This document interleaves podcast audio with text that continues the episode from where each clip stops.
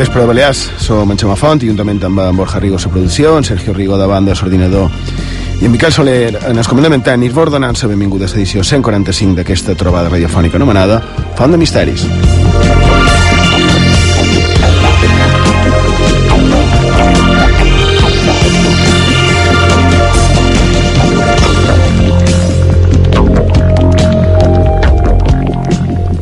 Borja Rigo, bon vespre. Bon vespre. Ja estem dins la tardor. Dins la tardor, i han sobreviscut una vegada més a la fi del món. Uh, curiosament, aquesta setmana se va complir, crec que va ser el deceno, però el novè aniversari de sa d'aquella mena de tormenta perfecta que varen sofrir a Silla de Mallorca en, en nefastes I el mateix dijous en van Fascinant. sofrir un altre. Sí, el manco, però- el títol personal. Sí, no? Va ser, va Sí. ser gros, va ser gros. Però bé, eh, hem de menester encara una miqueta més de, de pluja. I parlant una mica de tot, a part d'altres coses que ens deis en els, en els mitjans, a les xarxes i en les formes de contacte, és curiós perquè ens soleu dir que l'ambientació musical els moments i, i, i la música, quan la posam, que sol agradar, no? Per això vos ho agraïm. I, i bé, i també deis que vos agrada normalment la música que, que empram ja de, de, devem dur d'haver 700 cançons, sempre totes diferents i amb significació. Com ara mateix aquesta, per exemple.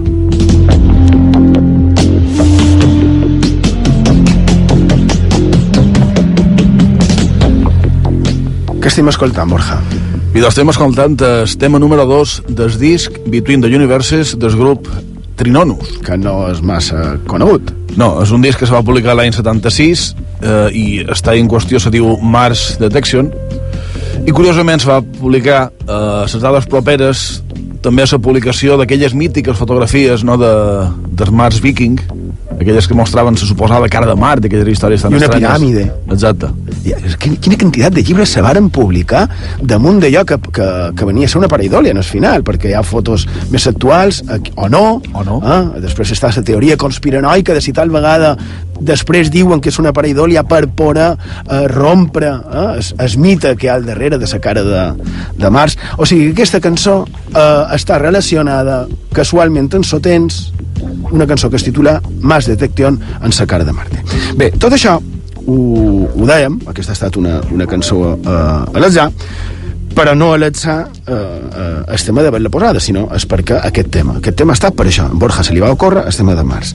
Bé, i de, ho dic perquè sol haver curiositats, no és curiós, com per exemple, fa una o dues setmanes, dues crec, varen parlar d'Evangelis i el seu disc eh, Rosetta, oh, pues en recordeu Borja, Sergio, va ser idea teva aquesta cançó, Sergio, si Bon vespre, malament. Bon Sí. vespre, com estàs? Bé, molt bé. Fantàstic. I de, aquesta mateixa setmana ha resultat que Rosetta ens ha deixat i ha complit aquella missió que havia de fer, no? Això segons s'han llegit a, a tots els mitjans de comunicació aquesta mateixa setmana, no?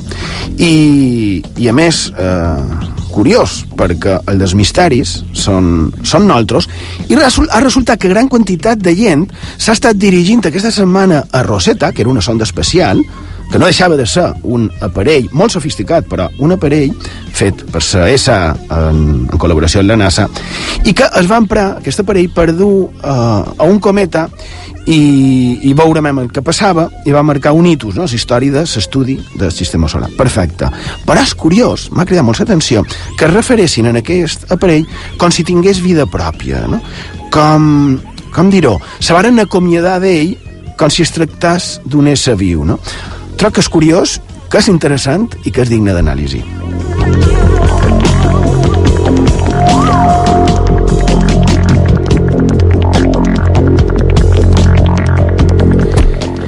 I sí, des del control m'ho diuen que, com sempre, mos enredant, que això no té res a veure amb el tema. És vera, fent sumari i anant començant, Sergio, si vols.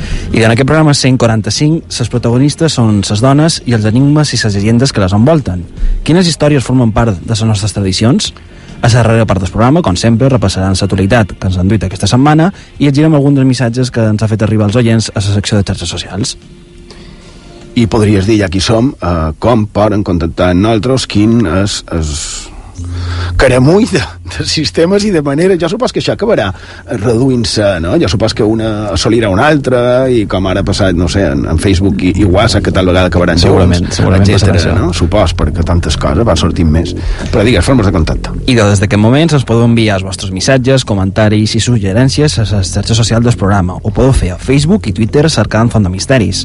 En el WhatsApp del programa apuntau els números 659 16 69 52. Ho repetim, 659 16 69 52. També es podeu enviar tot allò que vulgueu al nostre correu electrònic fontdemisteris arroba ib3radio.com Però recordem també que ens podeu seguir a Instagram cercant Font de Misteris IB3, a Periscope i escoltar tots els nostres programes a ivox.com i a fontdemisteris.com.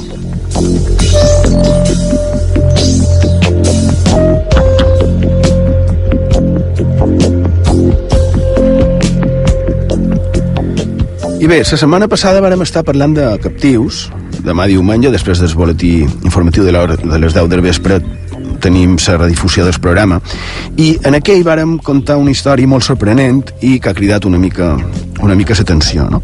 Una atlota, Pollancina, que, que va fer ser... O sigui, la varen fer captiva, era casa seva, una alqueria, fora del nucli urbà, i va seduir com a esclava en el nord d'Àfrica.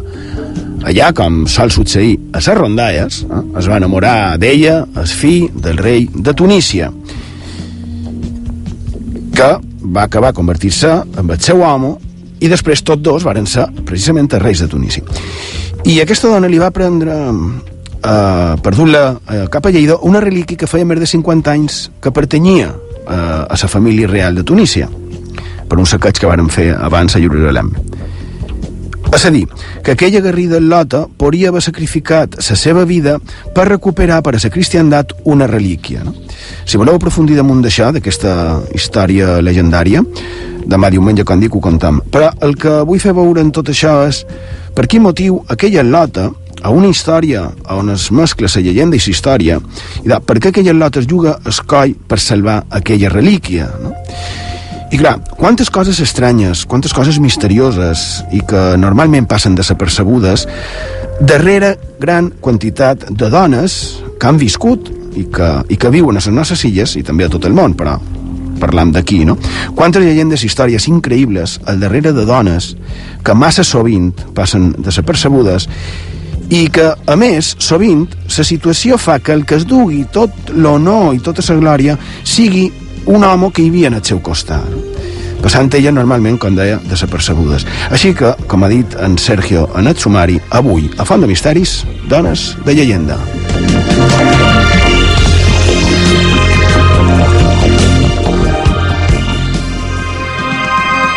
On la història es torna llegenda, a on el més quotidià es torna màgic.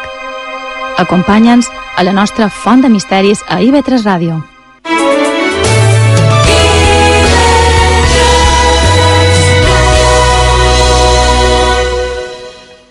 L'esport professional, l'esport amateur, l'esport base, tota la informació poliesportiva és Zona Mixta.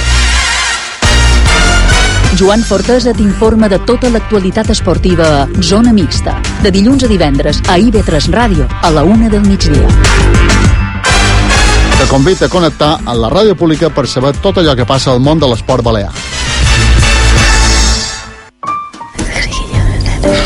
De veres, això és el que més t'agrada. Eh, tant és que ho facis amb passió, desenfrenada, sense amor. Allò que és important és que passis plaer. Quan m'hi pos, és una experiència. Uf. No hi pensis, fes-ho. No apaguis el llum. Dissabte a les 11 del vespre, amb Maria Rigo i Joan Guillem Jaume. A IB3 Ràdio. Seny, Maria. Deixa'm un poquet. IB3 Ràdio t'ofereix la millor qualitat de recepció. Sintonitza la ràdio pública de les Illes Balears. Eivissa i Formentera, 93.7. Misteris i llegendes a Font de Misteris, amb Xema Font.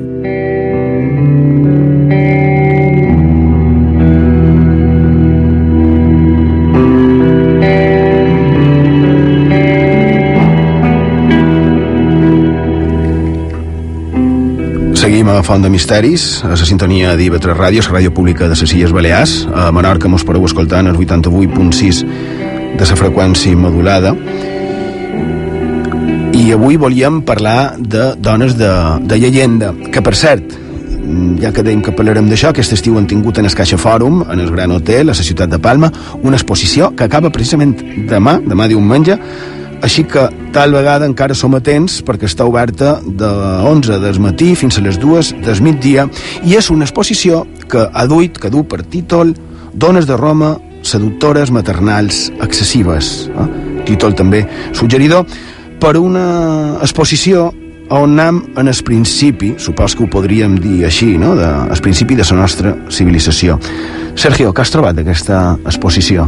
I veus, l'exposició és molt interessant, com totes les que poden veure en el Caixa Fòrum, ja que han estat unes quantes d'ençà que fan Font de Misteris. I en aquesta exposició són moltes les escultures de l'antiguitat romana que poden veure. A més, també en aquesta visita s'explica l'evolució i el paper de la dona en aquesta civilització.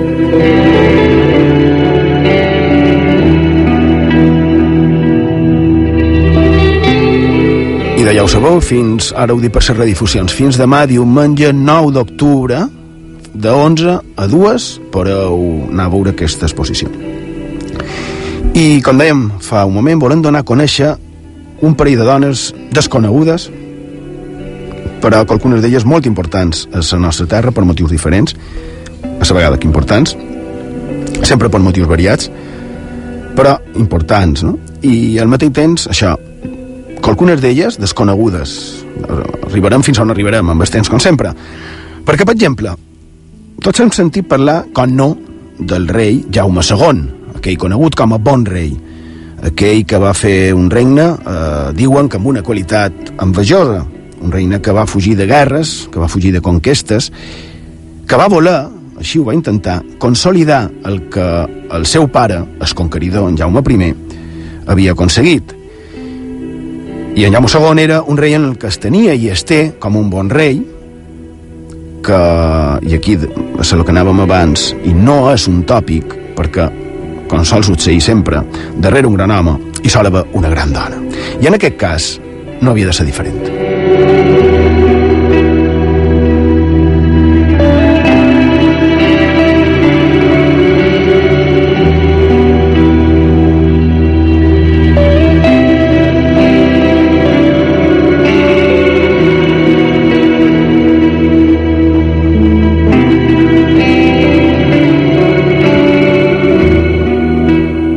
Curiós veure com a, en el segle XIII un rei es deixava una mica davant del formalisme i prenia el camí del matrimoni per amor. Mm? Atenció, perquè així sembla que va ser el seu casament en la que és la nostra protagonista ara, que és la nostra reina Esclaramunda. Esclaramunda de Foix, s'escriu Foix, amb X final, que és un poble que està en el sud de França, i aquesta, la reina Esclaramunda, va tenir entorn seu, en el seu voltant, un bon grapat de fets i circumstàncies que la van fer ser una dona, sens dubte, llegendària.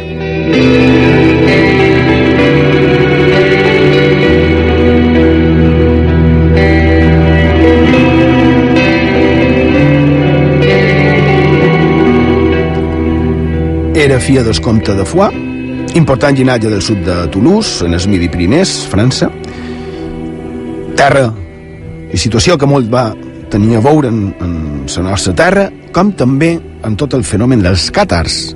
Ja varen parlar dels càtars, si us cercau en Google, per exemple, simplement posau càtars i B3 i allà directament teniu el programa que varen fer amb el doctor en Història i professor de la UNED, en Lluís Tudela, i deien lo dels càtars perquè precisament aquesta família noble de Foix va ser una defensora dels càtars i no hem d'oblidar que aquests heretges, perquè així eren considerats, varen acabar sent assassinats i de la manera més cruel que podem imaginar per part, part dels poders fàctics no? de, de l'església de l'època en conveniència en senyors feudals, reis i poderosos suposadament per ser considerats heretges quan, si ho analitzéssim, potser no seria del tot així, perquè els càtars, per començar, es coneixien com els bons homes.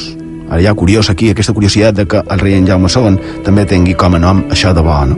el bon rei. I un pot creure que era habitual a l'època això de posar noms o conèixer els reis en noms tan agradables. I no, no, no era així en absolut.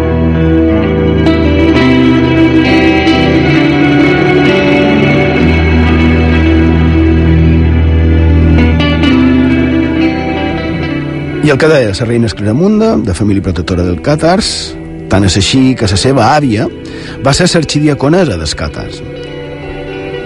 Els Càtars, que també, curiosament, tractaven a les dones com ha de ser, és a dir, en igualtat de condicions que en els homos, és a dir, tots iguals, cosa que no agradava, avui també passa, massa rivalitat, així va el tema, no ho dubteu, perquè qui pensa que superior als altres és sempre perquè té moltes mancances i vol llevar-se rivalitats.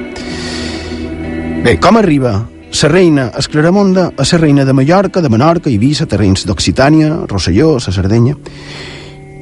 I de, el rei Jaume I havia pactat per algun dels seus fills matrimonis. Per exemple, per la seva filla Isabel la va voler casar amb el fill del que seria Sant Lluís.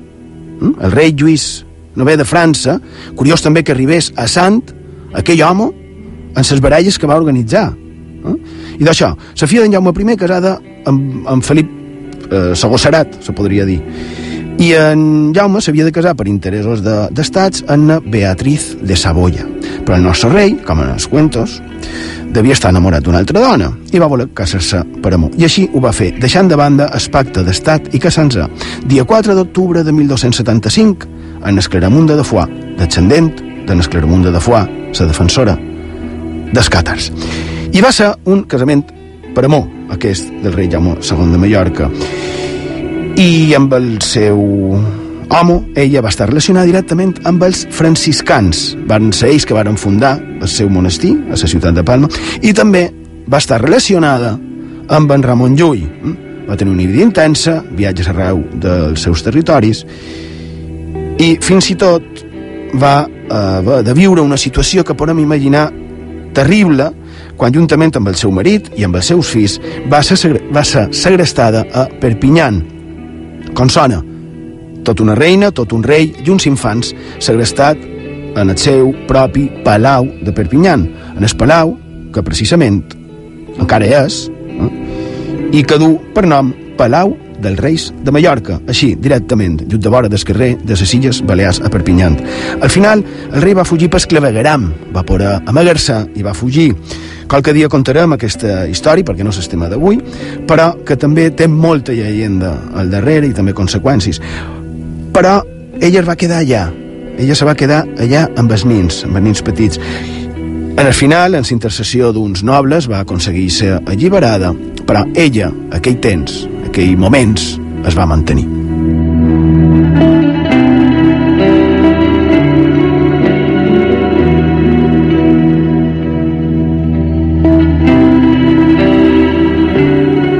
I aquesta reina, Esclaramonda, va tenir com a fill primogènit en Jaume, que havia de ser Jaume III de Mallorca.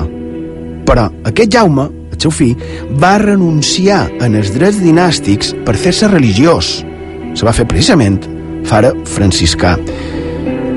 Ja deia que va tenir molta relació amb aquest ordre, fins al punt aquest que el seu propi fill primogènit ho abandonà tot, va renunciar a ser rei, segle XIV, va renunciar a ser rei Jaume III. Encara que ella sí se va encarregar de que a la dinastia dels reis de Mallorca hi hagués un Jaume III, perquè va ser ella la que diuen que va educar en el seu net, el futur rei Jaume III de Mallorca. Ella també, la reina Esclaramonda, va ser una part molt important dins aquella ordre. En el final, Borja sempre està tot superrelacionat. És curiós, eh? A mi el que me sorprèn és que encara te sorprengui. Sí, però o sigui, com pot ser que se mos junti dins aquesta figura que més fa temps, aquest estiu ja ho varen comentar, que volíem fer-li una miqueta, un retre, una miqueta d'homenatge, i resulta que està amb el tema d'en Ramon Llull, que si mos dona temps a món diversos, avui també n'hi ha un grapat de temes relacionats amb en Ramon Llull, amb el tema des, dels mercedaris. Uh, no sé, me sona molt, molt interessant, no?, aquestes curiositats. Bé, i de que va estar molt relacionada, va ser una de les seves protectores, també, i a veure, per on anava? Ah, sí, a part d'aquestes quatre pincellades que han donat damunt d'aquesta reina, que és tan important, tan desconeguda, i de, per si no fos suficient, a més de tot, és beata. És a dir, que l'església la té com a persona virtuosa.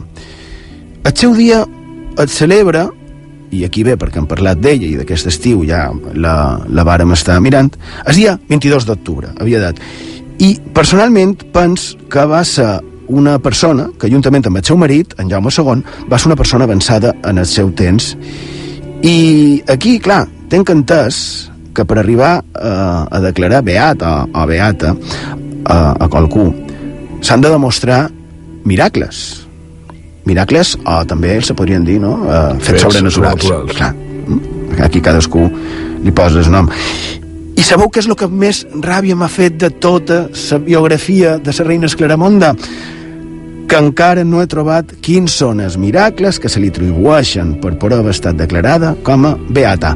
Seria molt, molt interessant saber-ho.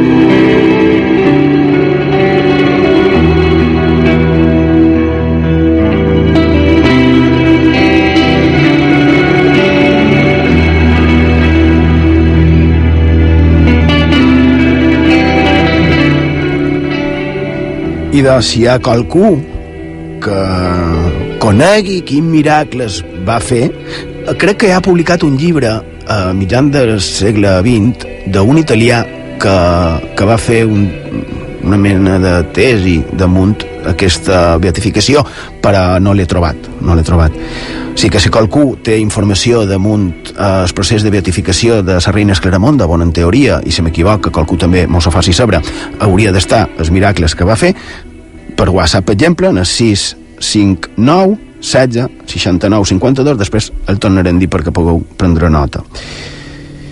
I si voleu, canviem anem una, amb una història trista, una llegenda, eh, en aquest cas de Silla de Mallorca, també jo crec que és bastant desconeguda, però molt trista. I doncs sí, eh, anem ara amb una petita història que mos du a Pollença a una època indeterminada i que té, segons contava fa dècades en, en Miquel Bota Totxo, una protagonista que nomia Aina Maria. Resulta que Aina Maria estava enamorada d'en Bernat. Dia a dia, quan ella acabava les feines d'escamp, anava a veure-la i junts eh, pensaven com seria el seu futur plegats, el seu futur eh, ja casats per ventura. El problema era que son pare d'ella no veia amb bons ulls la relació. Cercava un pretenent, segons deia, millor per la seva filla. És a dir, de major posició social que en Bernat. D'altra banda, sa mare intentava que la lota canviés de parar, amb paraules, amenaces i, finalment, amb una cosa molt més terrible. Va aconseguir una poció que una vegada dissolta a la beguda que li va donar en Bernat, va aconseguir que aquest oblidàs per complet a Neina Maria. Va aconseguir que Salot actuàs com si mai l'hagués coneguda i, per si fos poc, va començar a festejar amb una altra lota.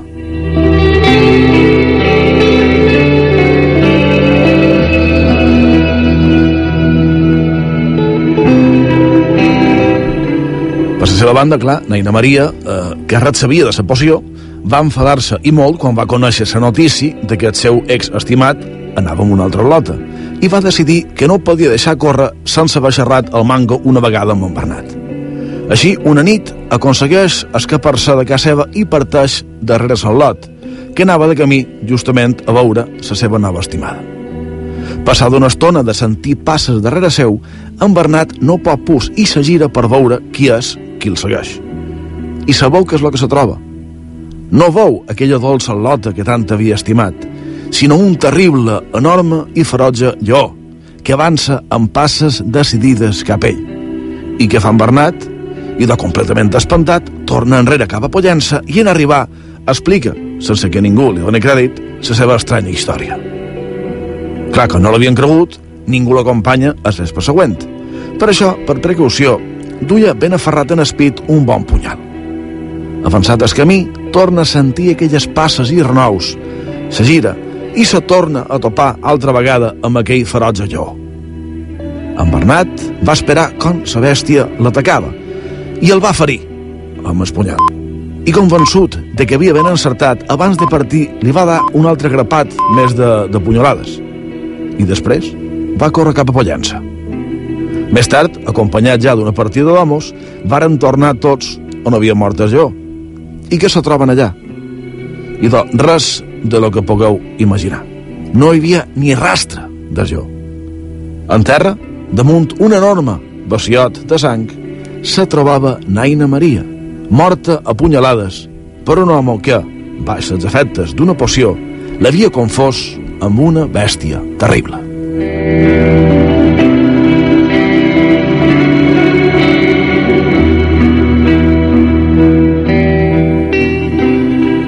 I això va passar, segons se conta, en el creuament de camins just abans d'arribar en el pont romà. Una història que estareu d'acord que és certament tràgica.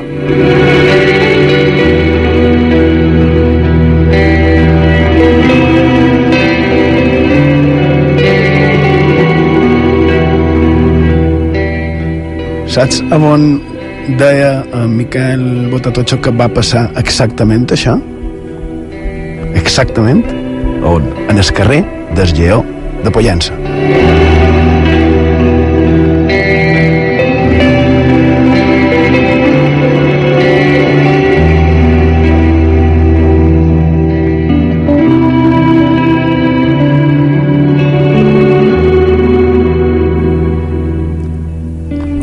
He de dir que quan pujam la música nosaltres comentam, no, comentant coses eh, és vera, ho vàrem estar comprovant i, i és cert, el nom vendria, vendria d'aquí jo he preferit pensar, sincerament que és una història inventada per justificar el nom de, del carrer i que aquesta tràgica història mai no, no hagués succeïda no? i bé, ja que estem amb una història amb un final tràgic que ja que estem també ja hem estat parlant amb un mem d'un membre d'una família real, real i doncs, si ho juntam amb una mica també de conspiració, que sempre va bé, i doncs tenim una altra història d'una dona de llegenda que també va estar relacionada amb les nostres illes en quant li agradava visitar-la i que té una història, com a mínim, digna de pel·lícula. I com a tal la comentarem amb el nostre crític particular que ens conta històries basant-se en, en pel·lícules i ara veurem mem, què és el que ens ha duit en Xisco García Antolí.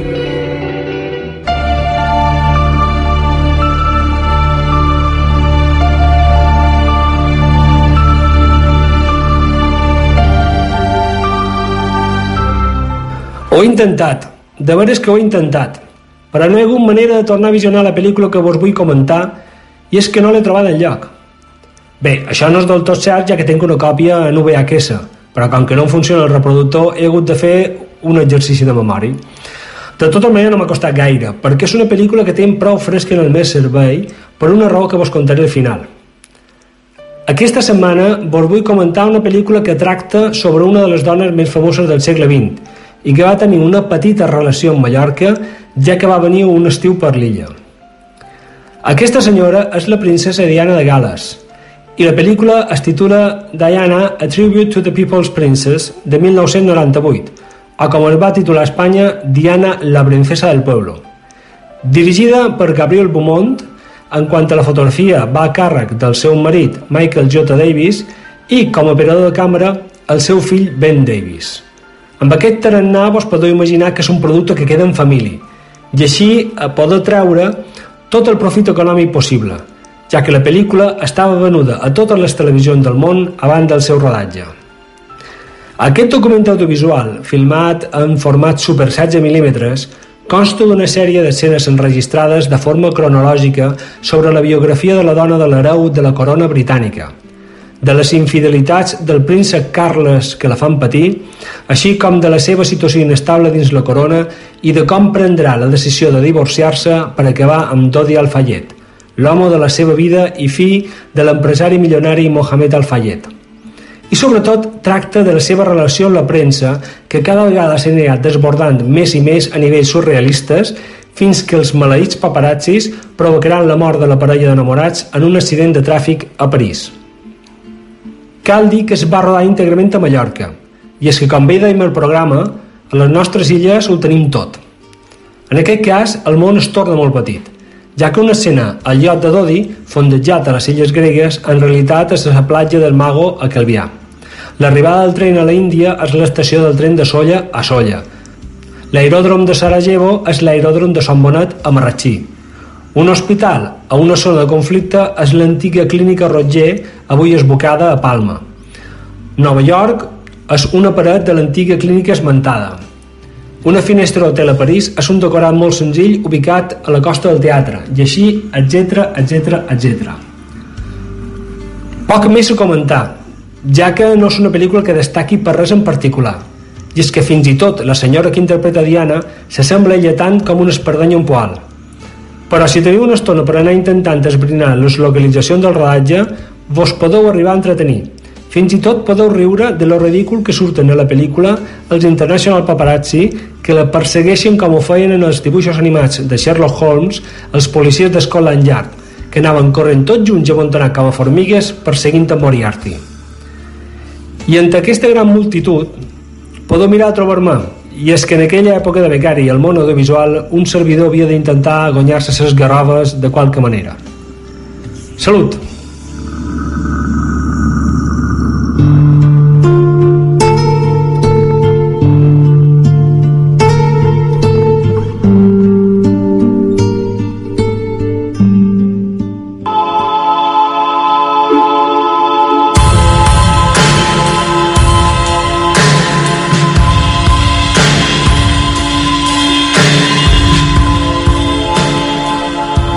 I de salut, i, i gràcies, Xisco. Molt interessant, però sí que hem de dir que ets crític, però crític crític, eh?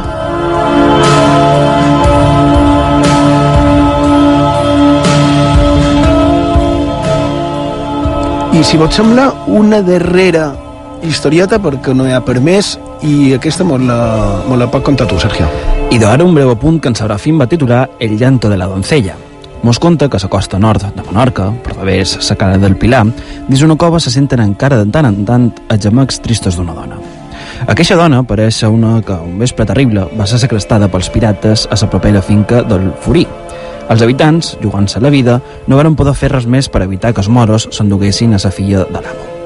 Els perseguidors res varen poder fer per agafar-los, i així arribaren a prop de la mà. Ni rastre dels pirates, només sentien, de dins una cova, una remor, un renou, un crit des desesperat de dona.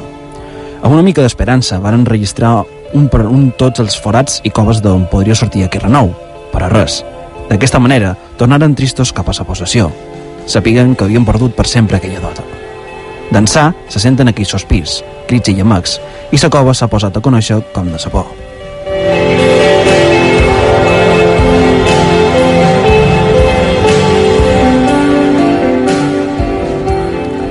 També, Sergio, tu, que també tràgic, eh? estem un poquet de, de tragèdia.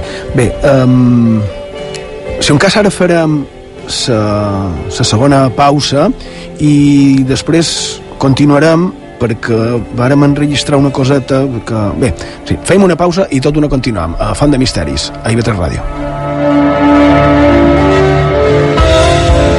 A IB3 Ràdio, Font de Misteris, amb Xema Font.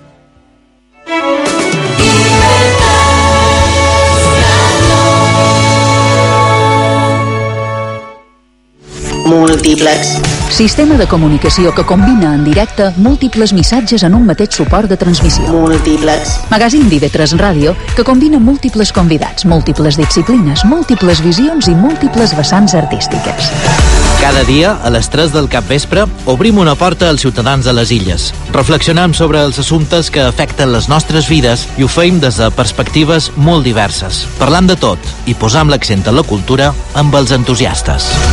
De dilluns a divendres de 3 a 6, Múltiplex, a IB3 Ràdio, amb Sergi Marcos.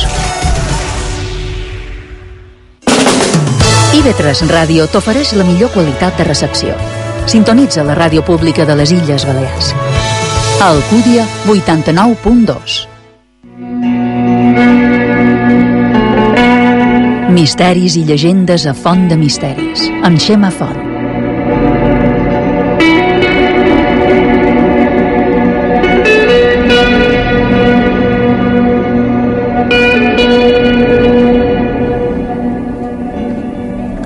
Seguim a Font de Misteris, a sintonia d'IV3 Ràdio, la ràdio pública de les Illes Balears. A Eivissa i Formentera mos podeu escoltar en el 93.7 de la freqüència modulada. Encara que es vera mos heu dit també mitjan xarxes que hi ha indrets que tenen altres dials es vera, per exemple Sant Josep a les 89.7 però és genèric, no? es que deim normalment. I ara, si vos sembla eh, entram en aquesta secció que nosaltres anomenem molt diversos, però el primer que hem de fer ja no mos donarà temps per fer massa més però eh, ahir divendres eh, en els estudis vàrem enregistrar una una petita conversa que vàrem tenir amb un company, amb en Javier Matesanz, que col·labora en el magazine El Dia, d'en Rafa Gallego, i això és el que ens va contar.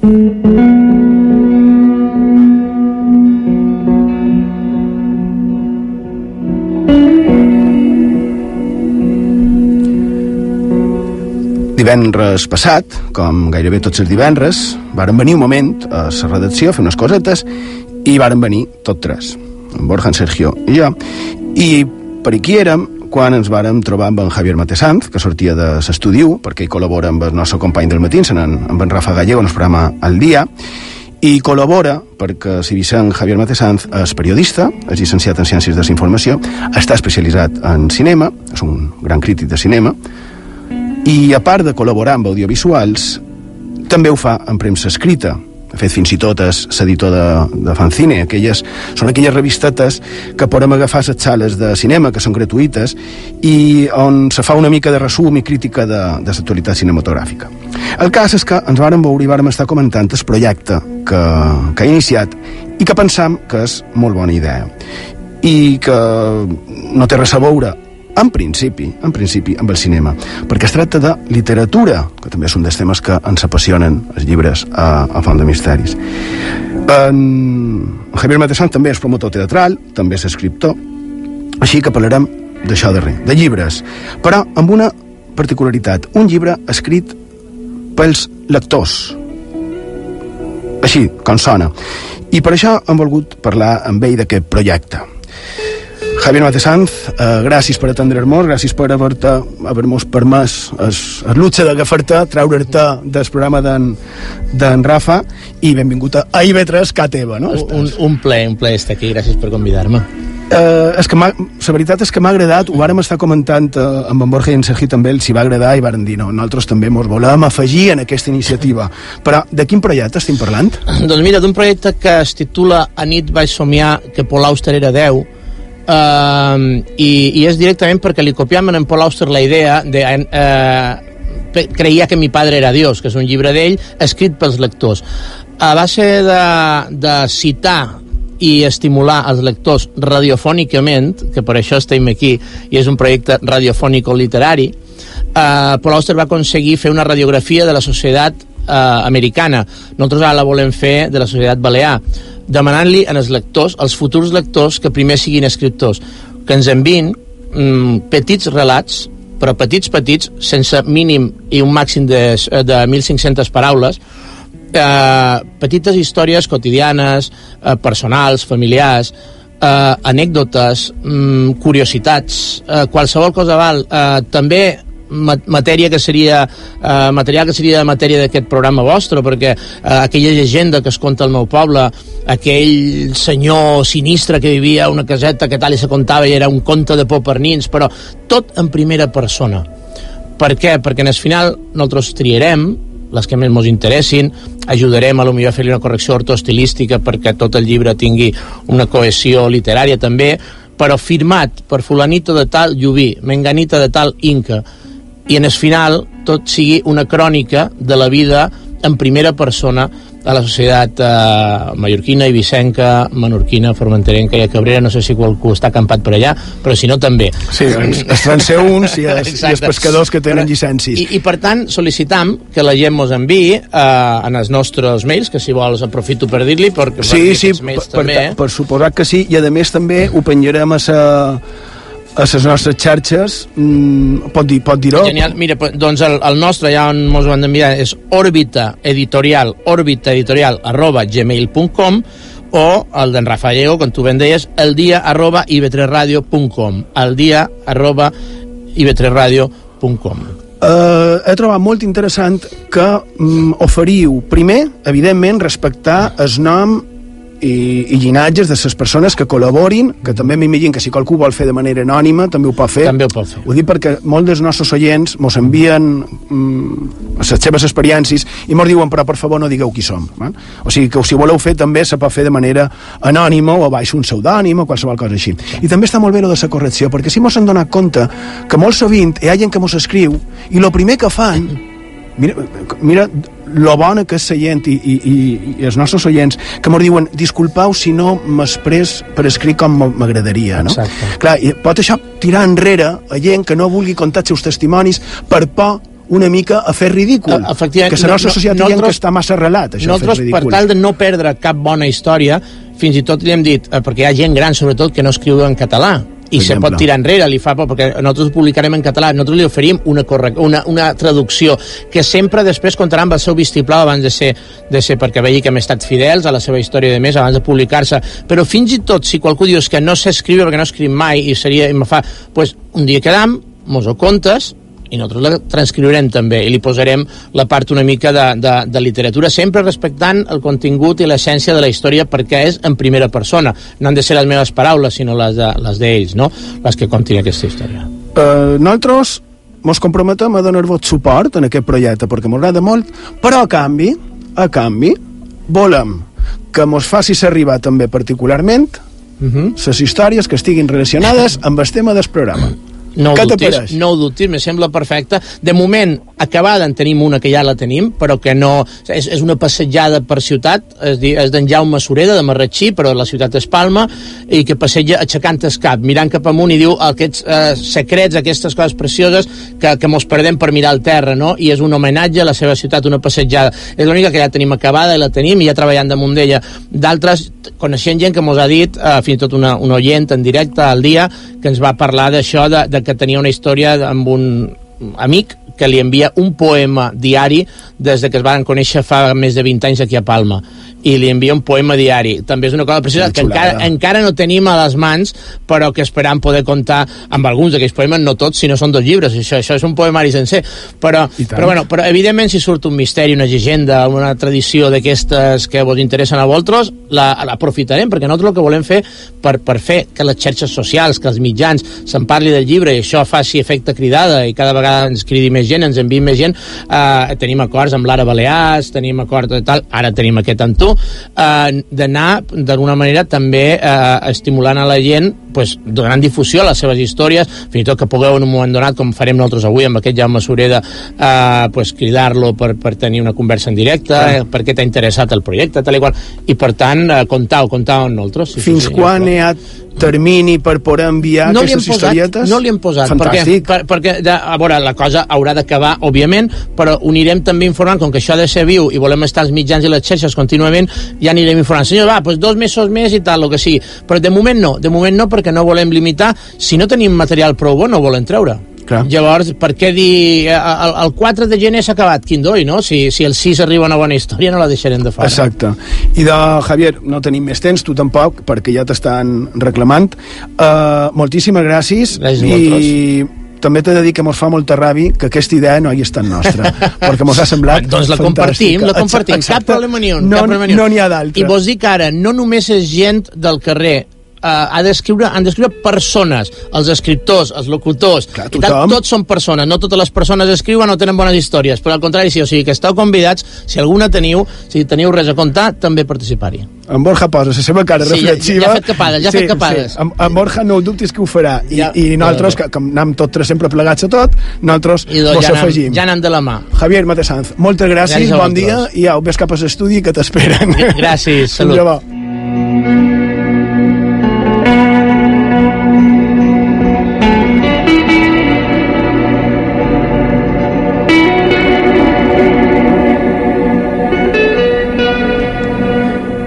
La veritat és que realment trobam que és eh, molt interessant i que és una molt bona iniciativa, perquè n'hi ha d'altres, com, per exemple, eh, avui mateix, avui hora baixa, a les 8, eh, a Granada, s'ha fet la presentació d'un llibre que precisament és un recull que es, eh, està titulat Lecciones de asesinos expertos, avui que han tingut un programa una mica tràgic, eh, sobretot les dues darreres històries, i de Uh, bé, i allà ha col·laborat na, na CAT, na, na Cristina Mandatur, la criminòloga i periodista ibicenca, però clar, allò és un recull de uh, relats fets per escriptors. Aquest és molt interessant perquè és per qualsevol, està obert a tothom, fins i tot ens ha convidat, no, Borja, Sergio, a nosaltres. Supos que qualque cosa presentarem, no? qualque vivència personal. Hi ha, hi ha material... Més que suficient, no? Sí. Pues és que millor se, veurà que quines són les nostres històries, no? Tampoc hi ha per què no fer-les. Quina cara m'has posat? Sergio, tu te presentaràs? Presentaràs qualque escrit? Ho haurem de revisar, haurem de revisar el que tenim Sí, escrit no? per l'ordinador. I de això, que, que mos ha agradat molt la iniciativa. Mm, L'altre que no mos ha agradat tant com a iniciativa és que eh, el Nobel de Física d'enguany se li hagi donat a, a uns altres, no perquè els hagi donat a uns altres, sinó perquè no s'ha no donat en el projecte de les ones gravitacionals del que vàrem estar parlant aquí en sa, en sa doctora Sintes i, i la veritat és que mos feia il·lusió com a, com a Baleàrics que les nostres illes que, que estaven representades per la UIB, la nostra universitat i és una pena que no els hi hagin donat es, es Nobel i no tenim temps per um, realment per notícies, no sé si tal vegada fer um, bé, n'hi ha una que la volen comentar però crec que la deixarem per la setmana que ve. Uh, un parell que tenim damunt d'en Ramon Llull. Per la setmana que ve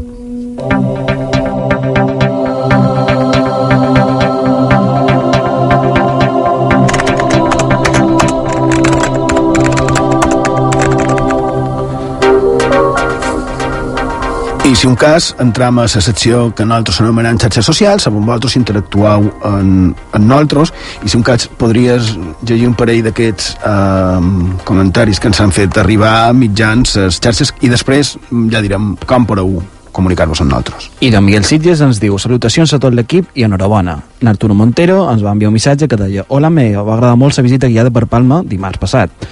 Valentina Mercadal, estic contenta amb el vostre retorn una altra temporada, però no m'agrada gens que el programa només duri una hora. Una abraçada. Fantàstic, no n'hi ha cap que sigui negativa, o has fet una tria per dir en antena de totes les positives. No, no. Són, són així, Són no? que hi ha. Són les tres primeres per ordre que, que, que, que han han, que han tingut. Dones les formes de comptar. Bé, moltíssimes gràcies a, tot, a tots per missatges i sobretot per aquests missatges de, de pues, com dir-ho, no? De, de, de, de, d'enhorabona que mos donau, no? És, no? La veritat és que no tenim paraules. Com contactar nosaltres, per favor? I doncs podeu enviar els vostres missatges tant a Facebook com a Twitter, cercant Font de Misteris, en el WhatsApp del programa 659 16 69 52, ho repetim, 659 16 69 52, i també podeu fer mitjançant el correu electrònic fondemisteris arroba ib3radio.com. També recordant que ens podeu escoltar aquest programa a partir de demà en el servei de la carta IB3 Ràdio, a ivox.com i a fondemisteris.com.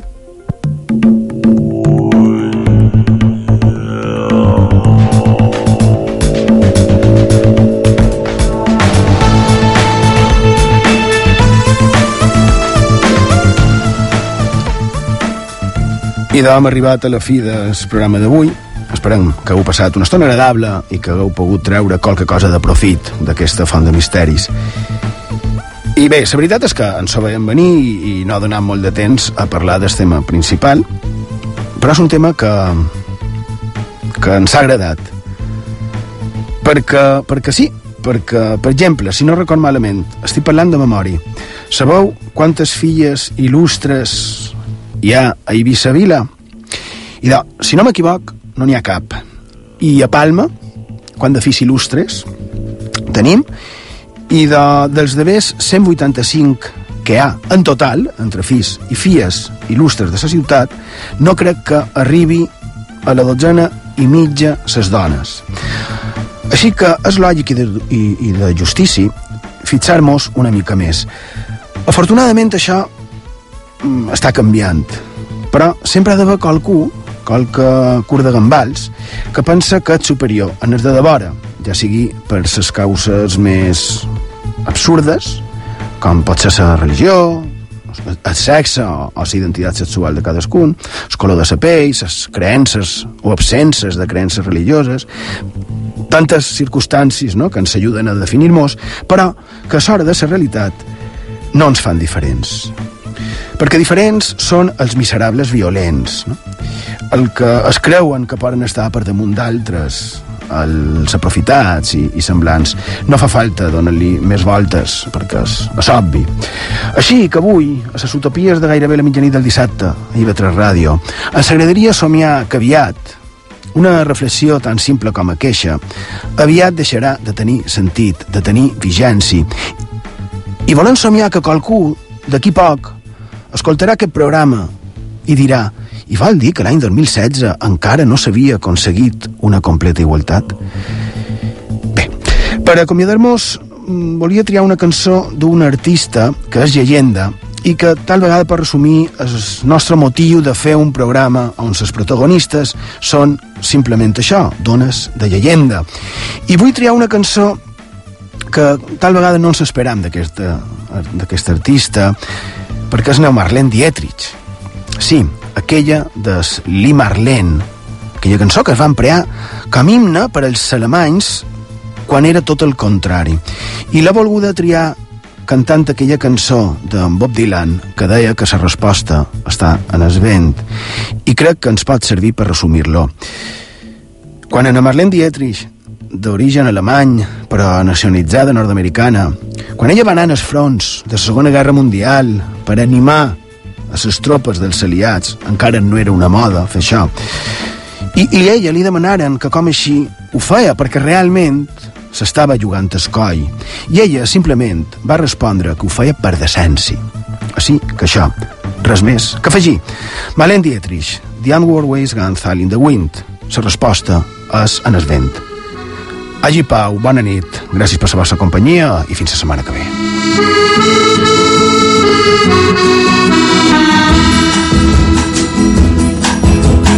Wie viele Straßen auf dieser Welt sind Straßen voll Tränen und Leid.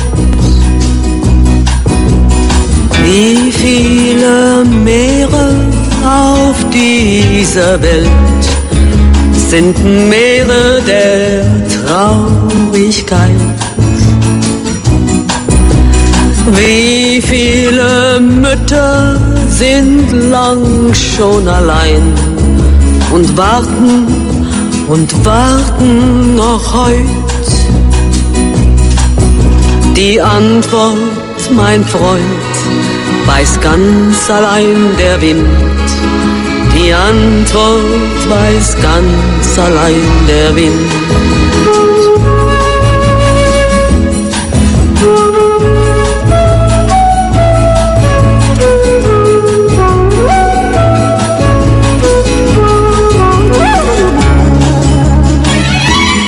Wie viele Menschen sind heute noch nicht frei und würden so gerne es sein. Wie viele Kinder gehen abends zur Ruhe und schlafen vor Hunger nicht ein. Wie viele Träume flehen bei Nacht. Wann wird es für uns anders sein? Die Antwort, mein Freund, ganz allein der Wind. Die Antwort weiß ganz allein der Wind.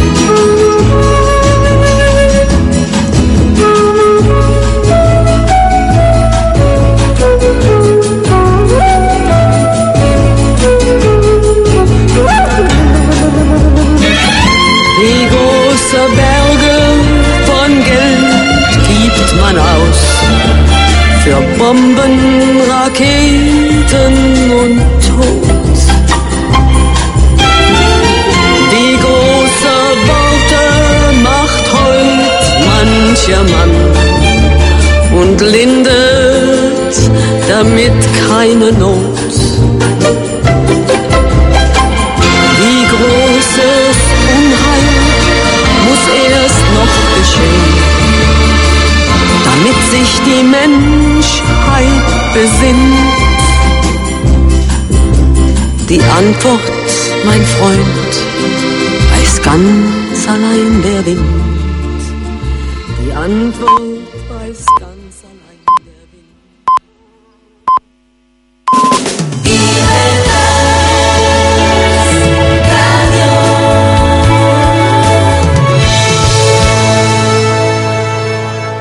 Maria,